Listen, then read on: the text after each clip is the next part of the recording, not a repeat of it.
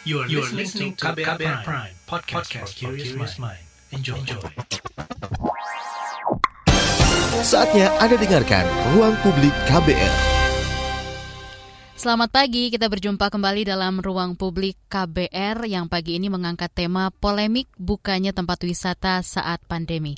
Saudara, dalam beberapa hari ini di media sosial banyak kita lihat beredar foto dan juga video tempat-tempat wisata yang penuh sesak dikunjungi masyarakat yang ingin mengisi libur lebarannya.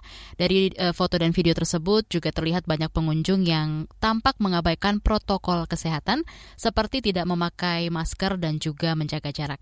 Tentunya ini berpotensi sekali menjadi sumber penyebaran COVID-19 yang masih terus coba ditekan angka kasusnya. Ini membuat e, beberapa daerah yang sebelumnya membuka tempat wisatanya kemudian menerapkan aturan untuk menutup semua tempat wisata di daerahnya seperti yang terjadi di Indramayu, Jawa Barat dan juga Banten serta DKI Jakarta. Tujuannya agar tidak muncul klaster pariwisata.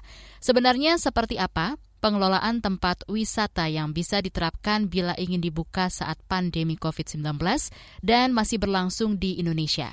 Untuk membincangkan soal ini telah bersama kita di ruang publik KBR pagi ini ada Bapak Ari Suhandi, Eksekutif Director Indonesian Ecotourism Network atau Indekon. Selamat pagi Bapak Ari. Pagi Mbak Naomi, pagi para pendengar semuanya KBR. Selamat pagi, Minal Aidin wal Faizin juga ya Pak. Sehat ya Pak ya? Ya, maaf lahir batin. Alhamdulillah sehat. Yes. Ah, Pak, kalau kita melihat gitu ya Pak secara umum gitu kan uh, liburan yang saat ini terjadi libur lebaran kemarin itu sempat membludak tempat-tempat pariwisata juga. Nah, sebenarnya uh, seperti apa sih Pak evaluasi dari Indekon ini sendiri dengan mulai dibukanya tempat wisata setelah setahun bisa dibilang mati suri gitu. Tapi tutup kembali karena berpotensi menimbulkan kerumunan. Ya. Makasih Mbak Nami. Uh, uh, Selamat Idul Fitri dan mohon maaf lahir batin sebagai semua pendengar. Dan ya itu menjadi viral betul ya kemarin ya case-nya. Tapi saya pikir begini, menurut kami ini yang perlu dipahami justru tentang sektor pariwisatanya itu sendiri. Jadi saya kira fondasinya itu kita harus pahami dulu dunia pariwisata itu. Mm-hmm. Karena yang pertama yang harus kita pahami bahwa pariwisata itu uh, bisnis jasa ya dan uh, tidak ringan itu cukup kompleks sebenarnya. Yang kedua, pariwisata itu memiliki faktor eksternal. Jadi uh, pariwisata itu selain multisektor juga multidisiplin ilmu, tapi juga punya faktor-faktor eksternal. Faktor eksternal itu adalah faktor yang di luar kemampuan sektor pariwisata untuk menanganinya. Jadi kita ambil contoh penyakit menular. Penyakit menular ini ya COVID yang sekarang kita alami itu adalah external factors. Hmm. Itu beyond dari uh, pelaku pariwisata semuanya itu tidak punya kemampuan untuk menangani itu. Yang kedua, yang ekstrim misalnya saat ini kita juga ngalamin dan mudah-mudahan nggak berbarengan, kita berdoa, yaitu perubahan iklim misalnya. Itu juga external factor. Hmm Nah, yang justru saya kira sudah sangat baik pemerintah menjaga itu sebenarnya adalah krisis ekonomi. itu juga faktor lain. Kalau kita lihat misalnya world trade, ya apa uh, perang perdagangan di global gitu, itu pengaruh ke pariwisata besar. Tapi pelaku pariwisata di kita misalnya kan nggak bisa apa-apa. Hmm. Kemudian perubahan global ekonomi di Eropa misalnya sebagai pangsa pasar kita yang paling kuat kemudian banyak di sana krisis ekonomi, kita nggak bisa apa-apa, tapi dampaknya berat ke kita. So itu yang perlu dipahami. Satu, pariwisata punya external factors. Itu yang pertama. Yang kedua, saya kira uh, kita harus lihat perspektif dari dua pihak. Selain kita sebagai pengelola, juga dari sudut kacamata wisatawan. Sangat sederhana menilainya bahwa setiap wisatawan nggak ada yang nggak mau sederhana. Yang paling utama adalah keamanan. Ya. Jadi keamanan itu faktor yang paling tinggi. Jadi kalau di satu tempat atau destinasi dianggap tidak aman, tidak akan ada kunjungan. Dan uh, itu atau berkurang kunjungan ke tempat itu. Itu udah lumrah. Kita misalnya atau Mbak Naomi mau traveling, pasti yang kita cari aman dulu. Ya.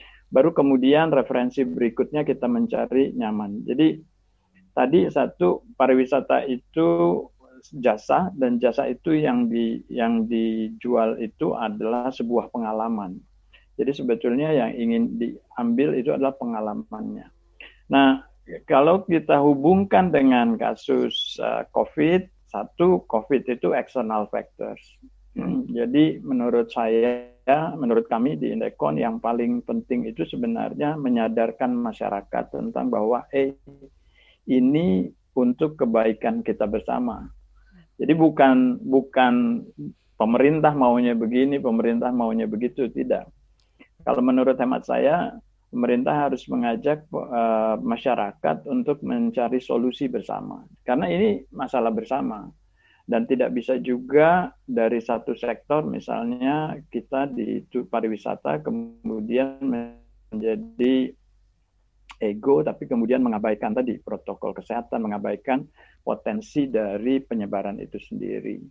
Jadi uh, menurut hemat kami ini menarik ya fenomenanya. Satu kalau menurut menurut kami masyarakat harus sudah satu tahun harusnya mampu beradaptasi.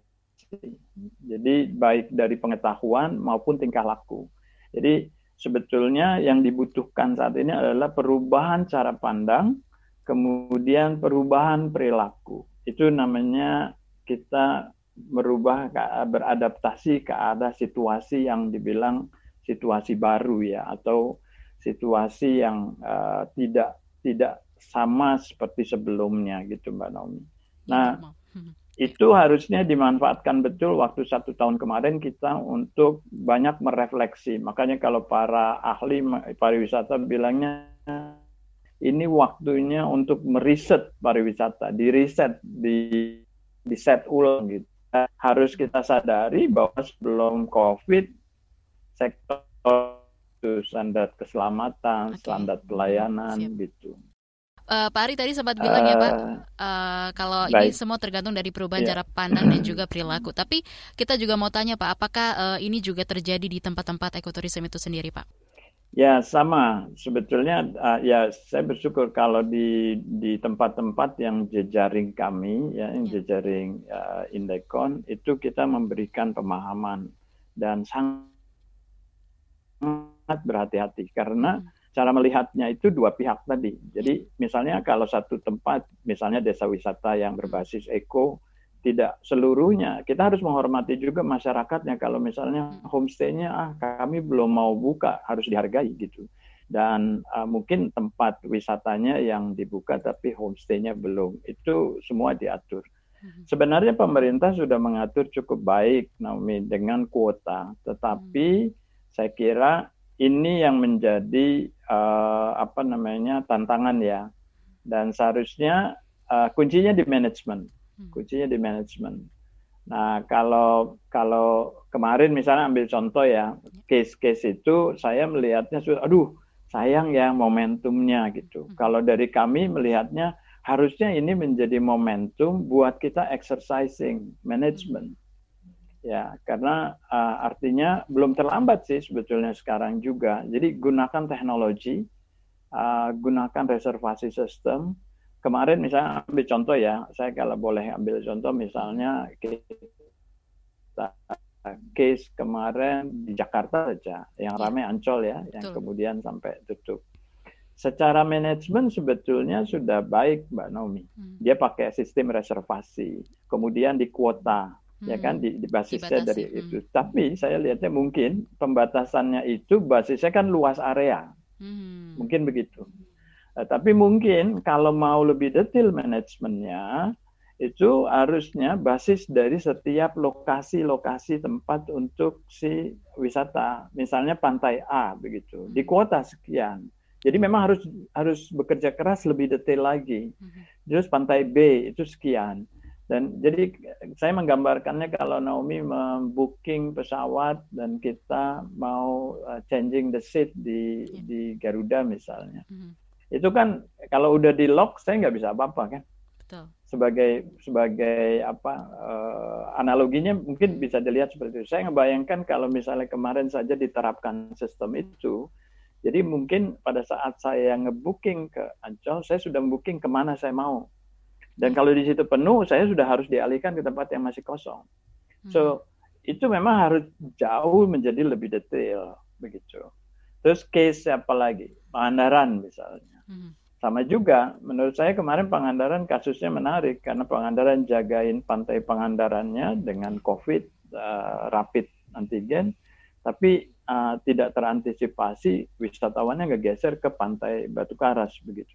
Hmm. Dan di sana uh, apa namanya uh, kontrolnya uh, menjadi lemah karena uh, padahal itu bisa juga. Sekali lagi kalau pakai teknologi terus mau kerja keras dan lebih detail sedikit karena akses menuju pantai itu adalah satu jalan dia bisa bikin uh, pemeriksaan yang cukup panjang dengan uh, sistem yang berlapis dan di kota. Saya ngebayangkannya kalau pantai itu Nomi sudah dipetak gitu. Jadi kalau perlu sudah ada ada sistem di sana lapaknya orang ya di situ se, sejumlah itu gitu kalau saya saya kalau keluar uh, negeri kalau saya mau masuk misalnya di national park di US misalnya itu kita pakai online terus dia uh, naruh apa ke jumlah tenda hanya 20 di sana ya 20 Di it's fit 20 itulah yang dipakai. kemudian di 20 itu tapi kalau saya masih mau saya Hmm. dia ada tempat lain yang masih terbuka Hmm. jadi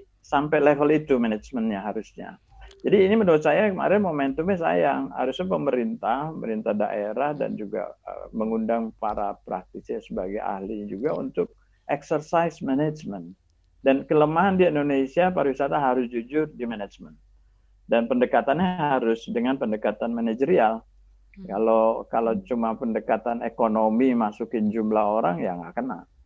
Ya, jadi Hmm. itu resikonya menurut saya terlalu besar. Ya. Baik, eh, Pak Ari, eh, bagaimana cara kita bisa memanage gitu ya Pak ya saat pada saat kemarin gitu Betul. pada saat liburan, Betul. waktunya kita latihan untuk memanajemen eh, tempat-tempat yang menjadi tempat wisata sebenarnya Ya. gitu ya Pak ya.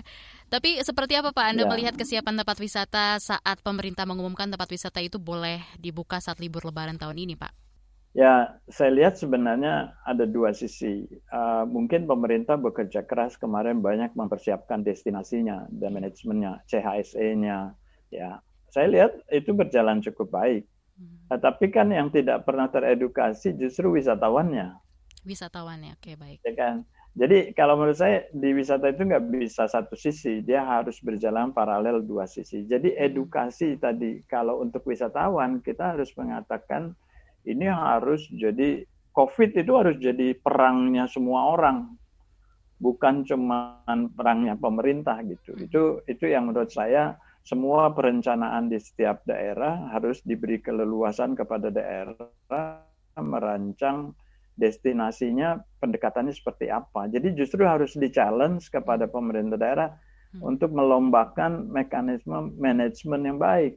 Ya. Kalau dia bisa dapat uh, kita kalau perlu kasih award gitu untuk Hmm. dia mampu uh, menunjukkan sistem yang baik gitu ya. Karena kemarin misalnya di sisi saya juga dapat info dari teman-teman di uh, Bandung Barat katanya kontrolnya lebih kuat Pak di kuotanya jalanan. Yang exercising seperti itu yang harus ditularkan. Jadi itu yang namanya kalau menurut saya itu good practices.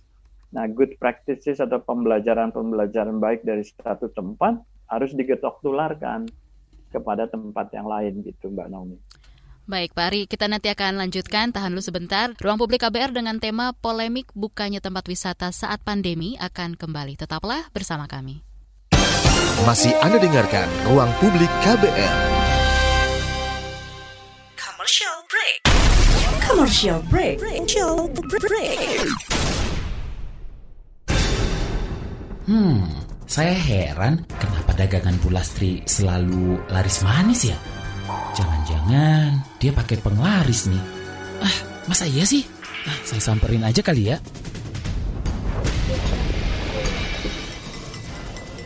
Eh, Pak Bayu, gimana Pak? Udah makan siang belum?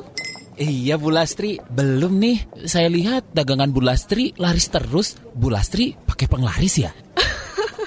Memang betul Pak, saya pakai penglaris. Wah, Bu Lastri, saya dibagi dong penglarisnya. Boleh dong Pak. Nih Pak Bayu, silahkan dipakai maskernya. Hah? Masker? Betul Pak Bayu, masker ini yang membuat dagangan saya laris manis sekarang. Karena pembeli merasa aman beli kue-kue saya. Selain itu juga melindungi saya terpapar virus. Karena kan kita ketemu banyak orang. Dan saya juga nggak pernah lepas sekalipun selama berjualan. Dicoba deh Pak Bayu. Laris dagangannya, lari virusnya. Pesan layanan masyarakat ini dipersembahkan KBR, inspiratif, terpercaya. Masih Anda dengarkan Ruang Publik KBR. Anda masih menyimak ruang publik KBR dengan tema polemik bukannya tempat wisata saat pandemi. Pagi ini kita berbincang dengan Bapak Ari Suhandi, Eksekutif Director Indonesian Ecotourism Network atau Indekon. Uh, Pak, Ari, Pak Ari, tadi sempat uh, Bapak bilang juga gitu ya, semua itu dilihat dari dua perspektif dari pengelola dan juga wisatawannya juga.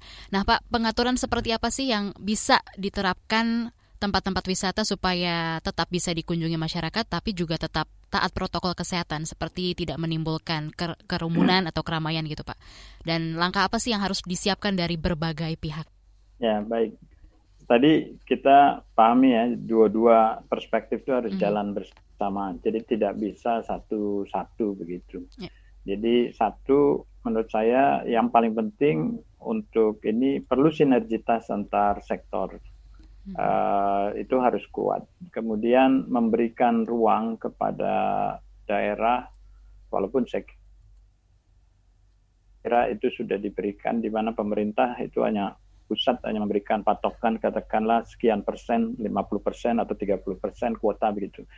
Exercise-nya kan harus ada di tingkat bawah dan itu harusnya dimanfaatkan oleh pemerintah daerah bekerja sama dengan stakeholders di tingkat bawah.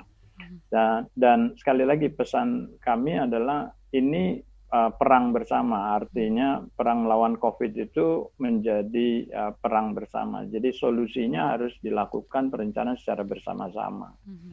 Dan menarik kalau sekali lagi saya katakan setiap daerah mau mengexercise manajemen yang menarik karena kan tipikal setiap daya tarik beda-beda Mbak Naomi. Hmm. Ada yang katakan kalau sifatnya pantai, aksesnya terbuka banyak, hmm. itu lebih rumit. Ya. ya, artinya orang bisa masuk dari mana-mana gitu. Tapi kalau yang ada kalau kayak gitu gimana? Sederhana, memperkecil akses. Saya kira sama kalau kita memerangi COVID kan sekarang di RT-RT kita pintu-pintu ditutup hanya satu akses. So it's control. Hmm. Prinsipnya kan controlling ya.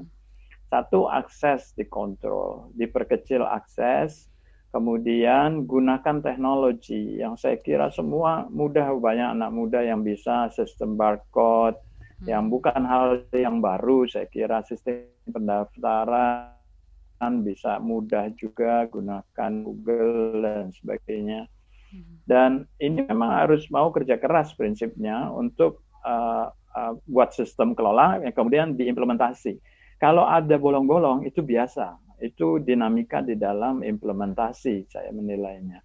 Tetapi itu harus dicoba. Saya ambil contoh dulu kami perang mendampingi Pangandaran dan kita pernah mengatakan, aduh, problemnya adalah pada saat tahun baru pengunjung beludak, sampahnya beludak. Hmm. Kita bilang, ayo kerjain. Dan bersama masyarakat kita bikin sistemnya. Dan semua masyarakat bergerak. Ada yang minjemin PHRI minjemkan hmm. truknya. Itu kita benchmarknya kami mohon maaf kami ambil waktu itu Ancol Jakarta. Jam berapa dia selesai uh, apa sampah. Kami harus di bawah itu. Jadi itu kan mindset yang harus dibangun ya. Mindset positif yang harus dibangun. Hmm. nah sekali lagi pemerintah harus mengajak masyarakatnya untuk bekerja sama dan memerangi secara eh, hati-hati, uh, secara perlahan dan menerapkan kuotanya. Jadi sistem itu harus dibangun dan diimplementasikan. Menurut saya momentumnya sekarang. Hmm. Nanti kalau nanti Mbak Naomi saya bayanginnya ini kan mohon maaf teman-teman apa masyarakat yang yang pengen berwisata itu kan karena sudah apa ya udah setahun ya Mbak iya. Naomi ya mungkin Mbak Naomi juga udah setahun rasanya pengen banget keluar terus jalan-jalan. Jadi itu bisa dipahami juga. Yeah. Jadi kalau sekarang sistem yang nggak disiapkan, saya justru khawatir pasca COVID pun uh, bludaknya akan jauh lebih tinggi gitu dan justru manajemennya harus dirapikan. Hmm. Kata kuncinya satu merapikan manajemen, yang memperkuat si pengelolanya, kemudian bikin sistem kelolanya. Nah, sistem kelolanya tentunya akan berbeda-beda satu tempat dengan tempat yang lain. Kata kuncinya kontrol akses, gunakan teknologi untuk uh, reservasi sistem.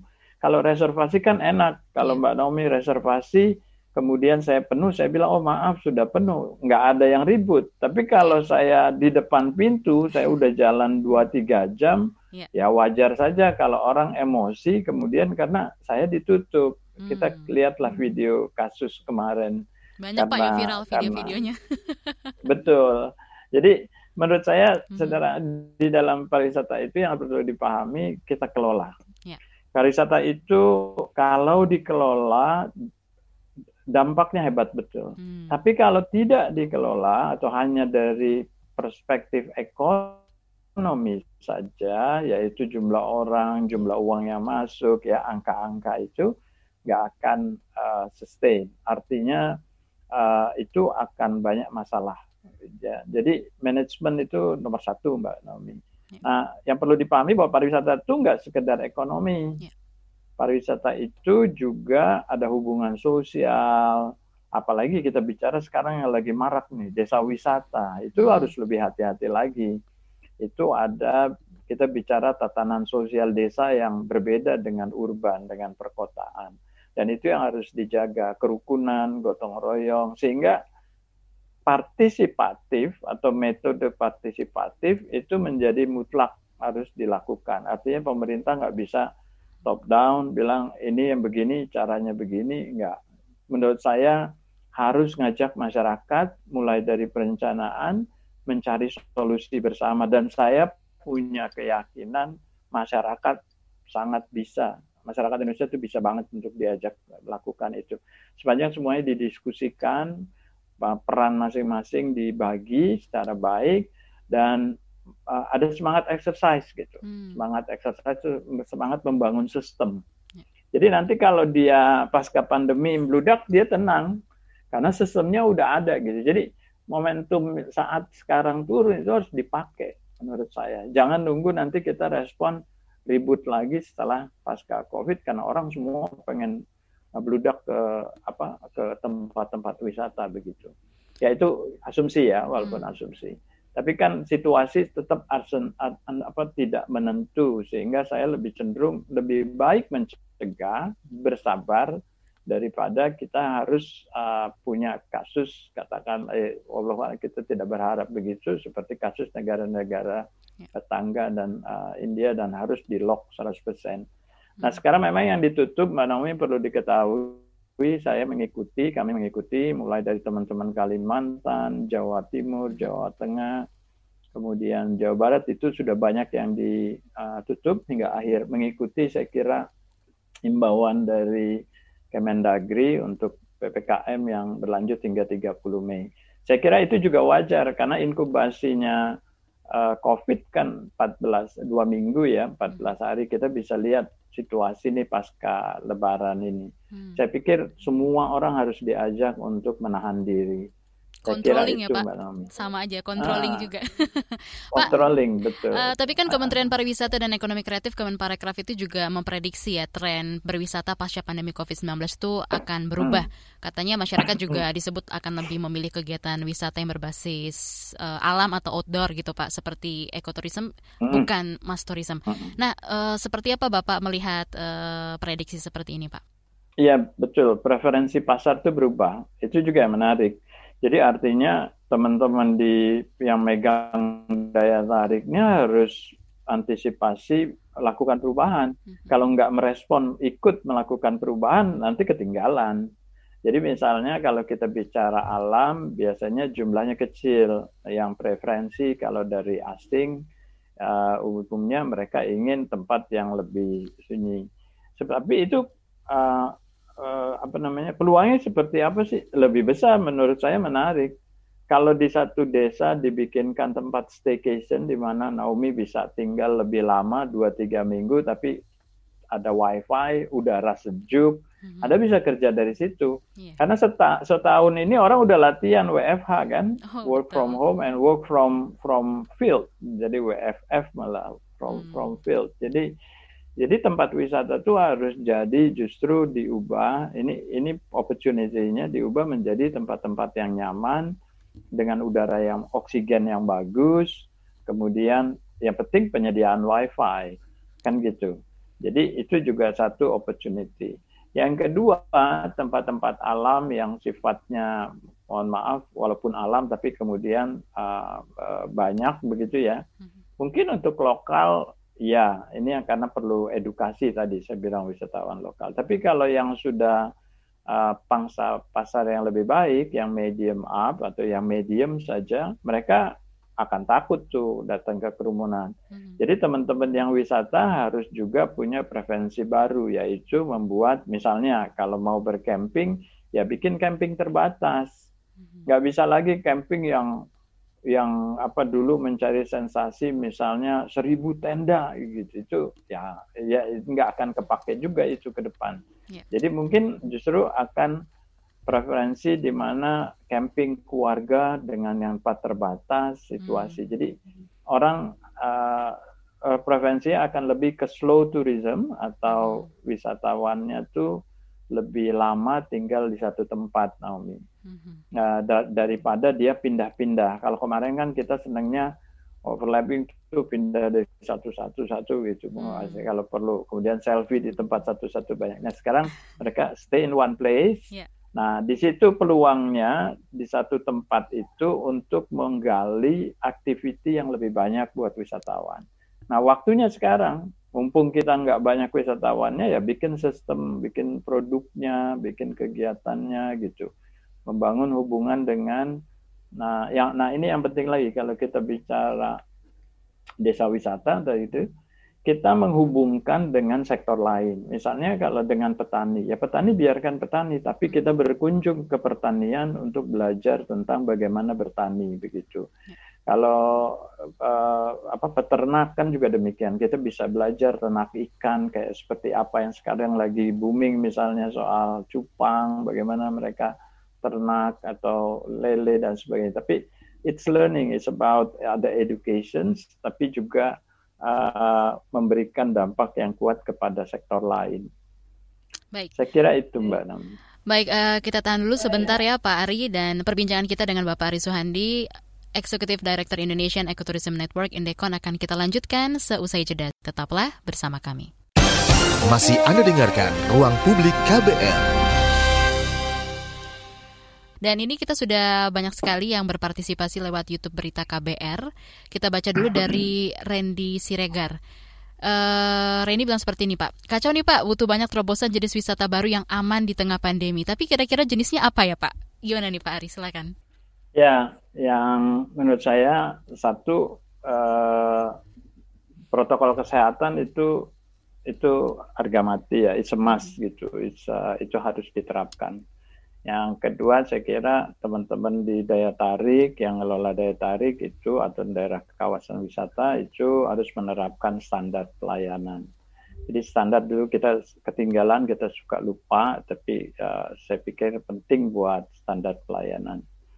Kemudian, nah tadi itu kalau ditanya jenisnya kayak apa, itu ke depan itu akan banyak sekali teman-teman yang ya minimal menghindarkan kerumunan itu yang pertama. Jadi mereka senang dibuatkan satu tours dengan grup yang relatif kecil atau grup uh, satu grup komunitas ya yang mereka sudah main. Katakanlah kayak Mbak Naomi dengan kantornya itu kan sudah daily, jadi um, rasa tahu kesehatan satu sama lain dan mereka bisa mengecek kesehatan bersama, kemudian baru melakukan kegiatan bersama, gitu traveling bareng. Hmm.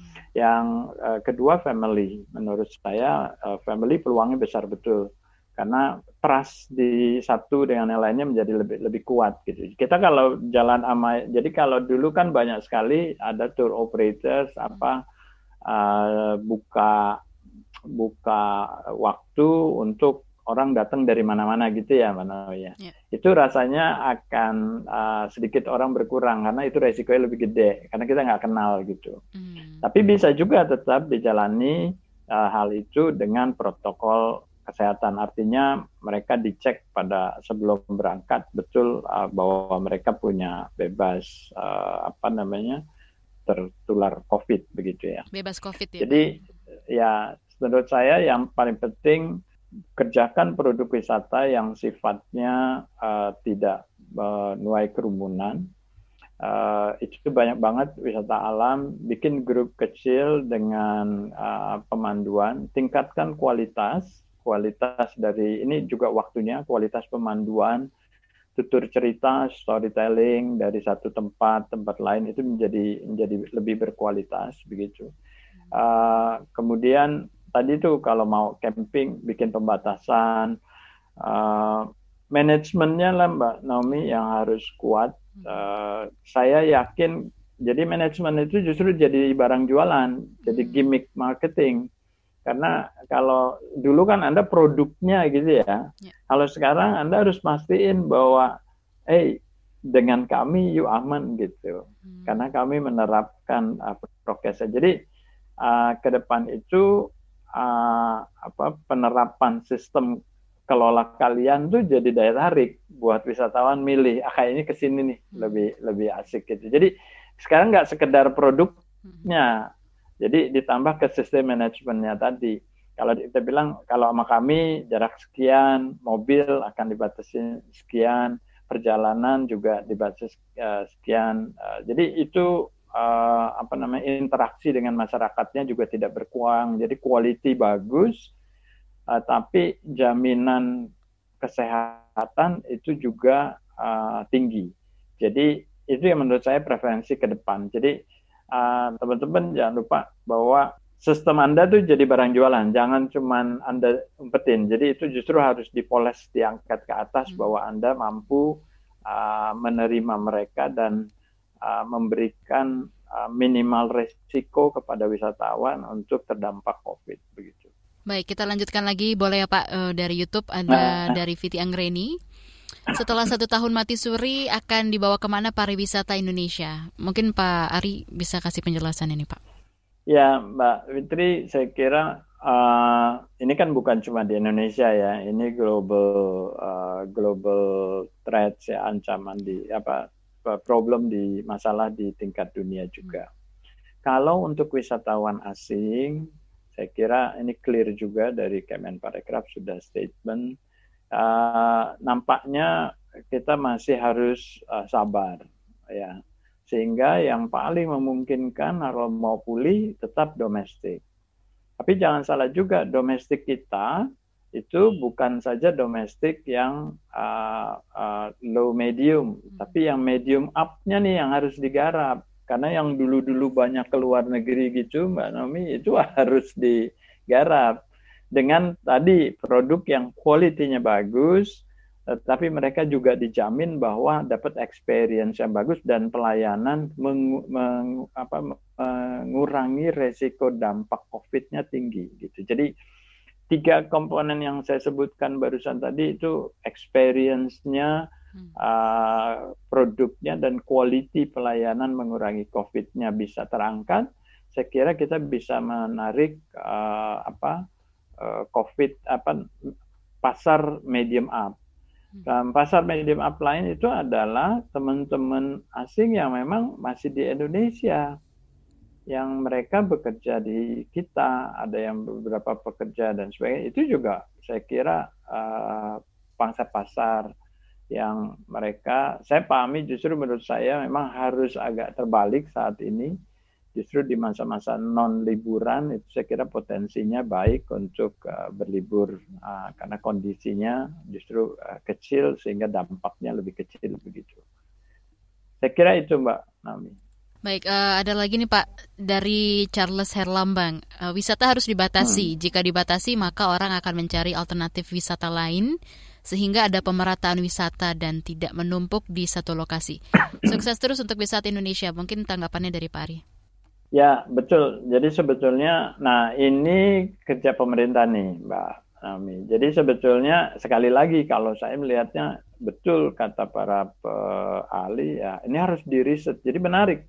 Kalau saya kami ini melihatnya di Negon, harusnya nih pemerintah daerah mereview ulang nih tempat wisatanya secara kabupaten ya. Misalnya levelnya kabupaten kayak tadi itu harus berpikir bagaimana pemerataan. Ini timing buat melakukan pemerataan. Hmm.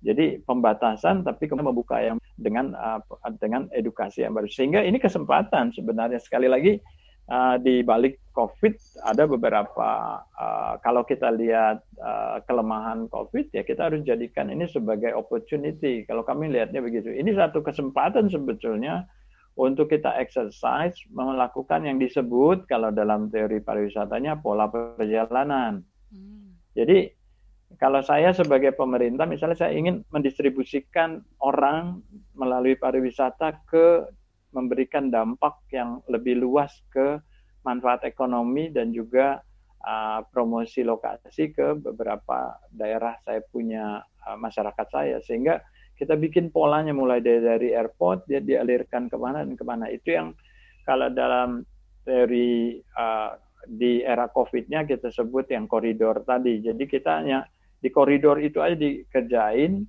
uh, tapi sebetulnya uh, kita, jadi effortnya fokus, tapi uh, ekonomi masih jalan. Gitu.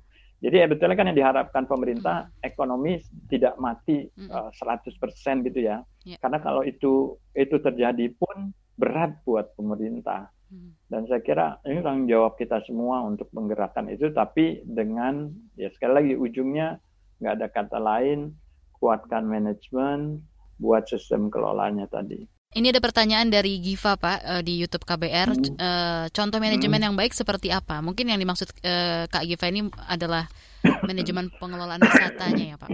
Gimana nih Pak? Iya, Mbak Nomi tadi saya udah contohin ya. Hmm. Ancol itu sudah baik. Ya. Tapi bisa lebih baik lagi tadi saya katakan. Jadi dia harus lebih detail tadi. Jadi memetakan kawasannya, kemudian menzonasi, eh, mengkuota per daya tarik, hmm. per pantainya. Jadi pantai A dimuatkan sekian. Kalau kemarin kan mereka menghitung 30% dari total area. Ini asumsi saya ya. Saya juga belum pernah diskusi dengan mereka. Tapi asumsi saya 30% dari uh, total yang mereka terima sebelumnya gitu. Tapi orang masuk bebas mau ke mana kan gitu. Yeah. Nah, hmm. manajemen yang bagus sebenarnya di lock di setiap daya tarik kecilnya. Hmm. Jadi tadi yang saya utamakan itu yang baik. Jadi harus mau bekerja lebih detail. Nah, memang sedikit capek, tetapi dampaknya kecil, ekonominya masih bisa jalan gitu. Uh, saya lihat begitu sebetulnya. Kalau dibilang yang baik ya harus sistemnya nggak. Tadi saya bilang nggak ada yang sama karena tipe-tipe daya tarik berbeda-beda. Kalau misalnya open access, kecilin access, aksesnya satu, sehingga kontrolnya gampang, gitu. Kalau kita ngomong Ancol tadi, aksesnya udah satu, hmm. udah kontrol gampang banget. Tapi di dalamnya harus dikontrol lagi, harus lebih kecil lagi. Jadi itu yang menurut saya diperkuat. Kemudian misalnya di setiap titik-titik itu satgasnya juga ada, hmm. satgas kontrolnya. Bisa saya kira itu juga udah dilakukan. Hanya kemarin yang lolos asumsi saya sekali lagi mohon maaf kalau saya salah itu adalah uh, mereka tidak mengkuota di setiap daya tariknya. Mm-hmm. Itu yang harusnya di, di lock di setiap daya tariknya. Jadi nanti itu mekanismenya misalnya dengan karcis warna kuning, warna merah itu warna merah di blok ke arahkan ke merah dia nggak bisa masuk di pantai yang dikasih warna kuning. Misalnya begitu. Jadi yeah. itu manajemen uh, banyak sekali sistem saya kira. Jadi balik lagi ke controlling itu juga ya pak ya dan juga teknologi. Betul. Uh, nanti kita Betul. akan lanjutkan kembali. Setelah jeda ruang publik akan kembali. Masih anda dengarkan ruang publik KBR break commercial break commercial break transfer ke sini udah, bayar ini juga udah. Ke gue udah. Heh, Allah, pertumbuhan ekonomi tuh lagi melambat, persis kayak tabungan gue. Betul banget. Harus matang ngelola keuangan. Pengennya tuh investasi sesuatu gitu ya. Apa gitu yang cocok dan menguntungkan? Hmm, coba dengerin uang bicara deh. Gue belakangan lagi dengerin podcast itu di KBR Prime. Reksadana yang tadinya 500 juta udah turun dari 250 juta sekarang 10 ribu. Sama kita ngopi mahalan mana? Ketika itu ada keputusan yang kayak begitu, investor harus tahu gitu, oh ada keputusan ini berarti implikasinya apa? Orang mungkin Perluas literasi kamu lewat podcast Uang Bicara. Uang Bicara menavigasi kamu dengan menghadirkan bahasan-bahasan seru dan populer mulai dari investasi sampai kebijakan. Dipersembahkan oleh KBR Prime dan bisa didengarkan di KBR Prime, Spotify, dan platform mendengarkan podcast lainnya. KBR Prime, podcast for curious mind. Masih Anda dengarkan Ruang Publik KBR. Kita tiba di bagian akhir ruang publik KBR hari ini dan bagi Anda yang tidak sempat mendengarkan siaran ini secara utuh, silakan Anda bisa mendengarkannya kembali di kbrprime.id dan pilih ruang publik. Kita masih juga membahas polemik bukanya tempat wisata saat pandemi bersama dengan Pak Ari Suhandi dari Indekon. Pak Ari, Tadi uh, Bapak sudah uh, banyak sekali ya ini yang masuk di YouTube hmm. KBR dan juga WhatsApp banyak banget Pak yang berpartisipasi. Nah, selama pandemi ini kan juga banyak juga ya Pak yang namanya wisata virtual gitu. Walaupun diakui ini hmm. memang nggak bisa hmm. sama lah dengan berwisata secara langsung, yeah. tapi setidaknya bisa ngobatin rasa rindu kita untuk uh, berwisata. Indekon sendiri gimana Pak? Apakah sudah melirik potensi wisata wisata virtual ini?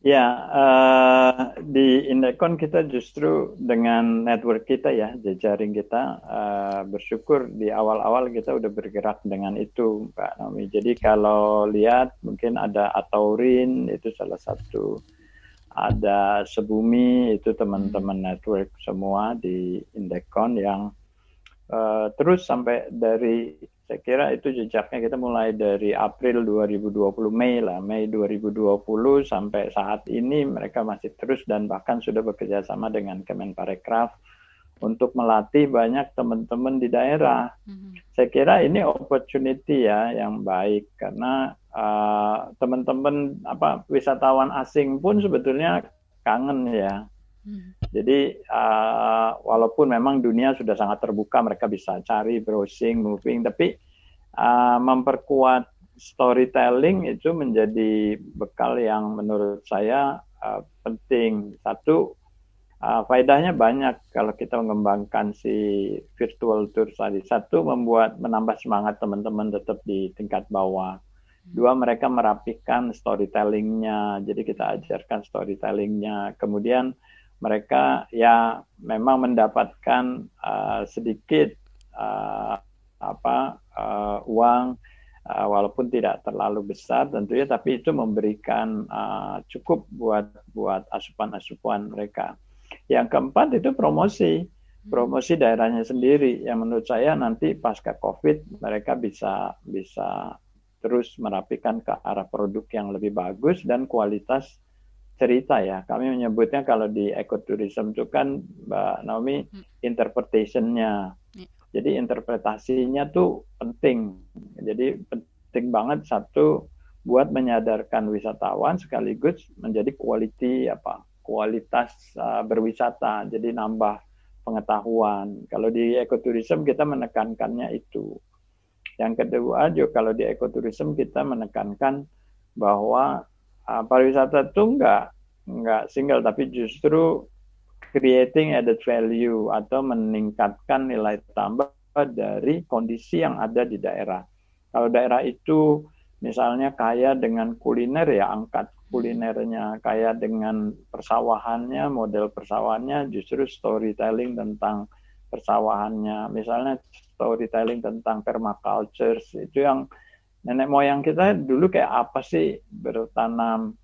Itu kemarin kita misalnya di apa di Pangkep ataupun baru di sana ada uh, menarik ada apa namanya uh, adat Mapalili yang uh, untuk penanaman dan itu pakai adat dan pakai pakai apa ritual-ritual uh, dari bisu itu menarik. Saya kira mm-hmm. itu yang akhirnya uh, sekaligus ngebenahin gitu Mbak Nomi, ngebenahin produknya.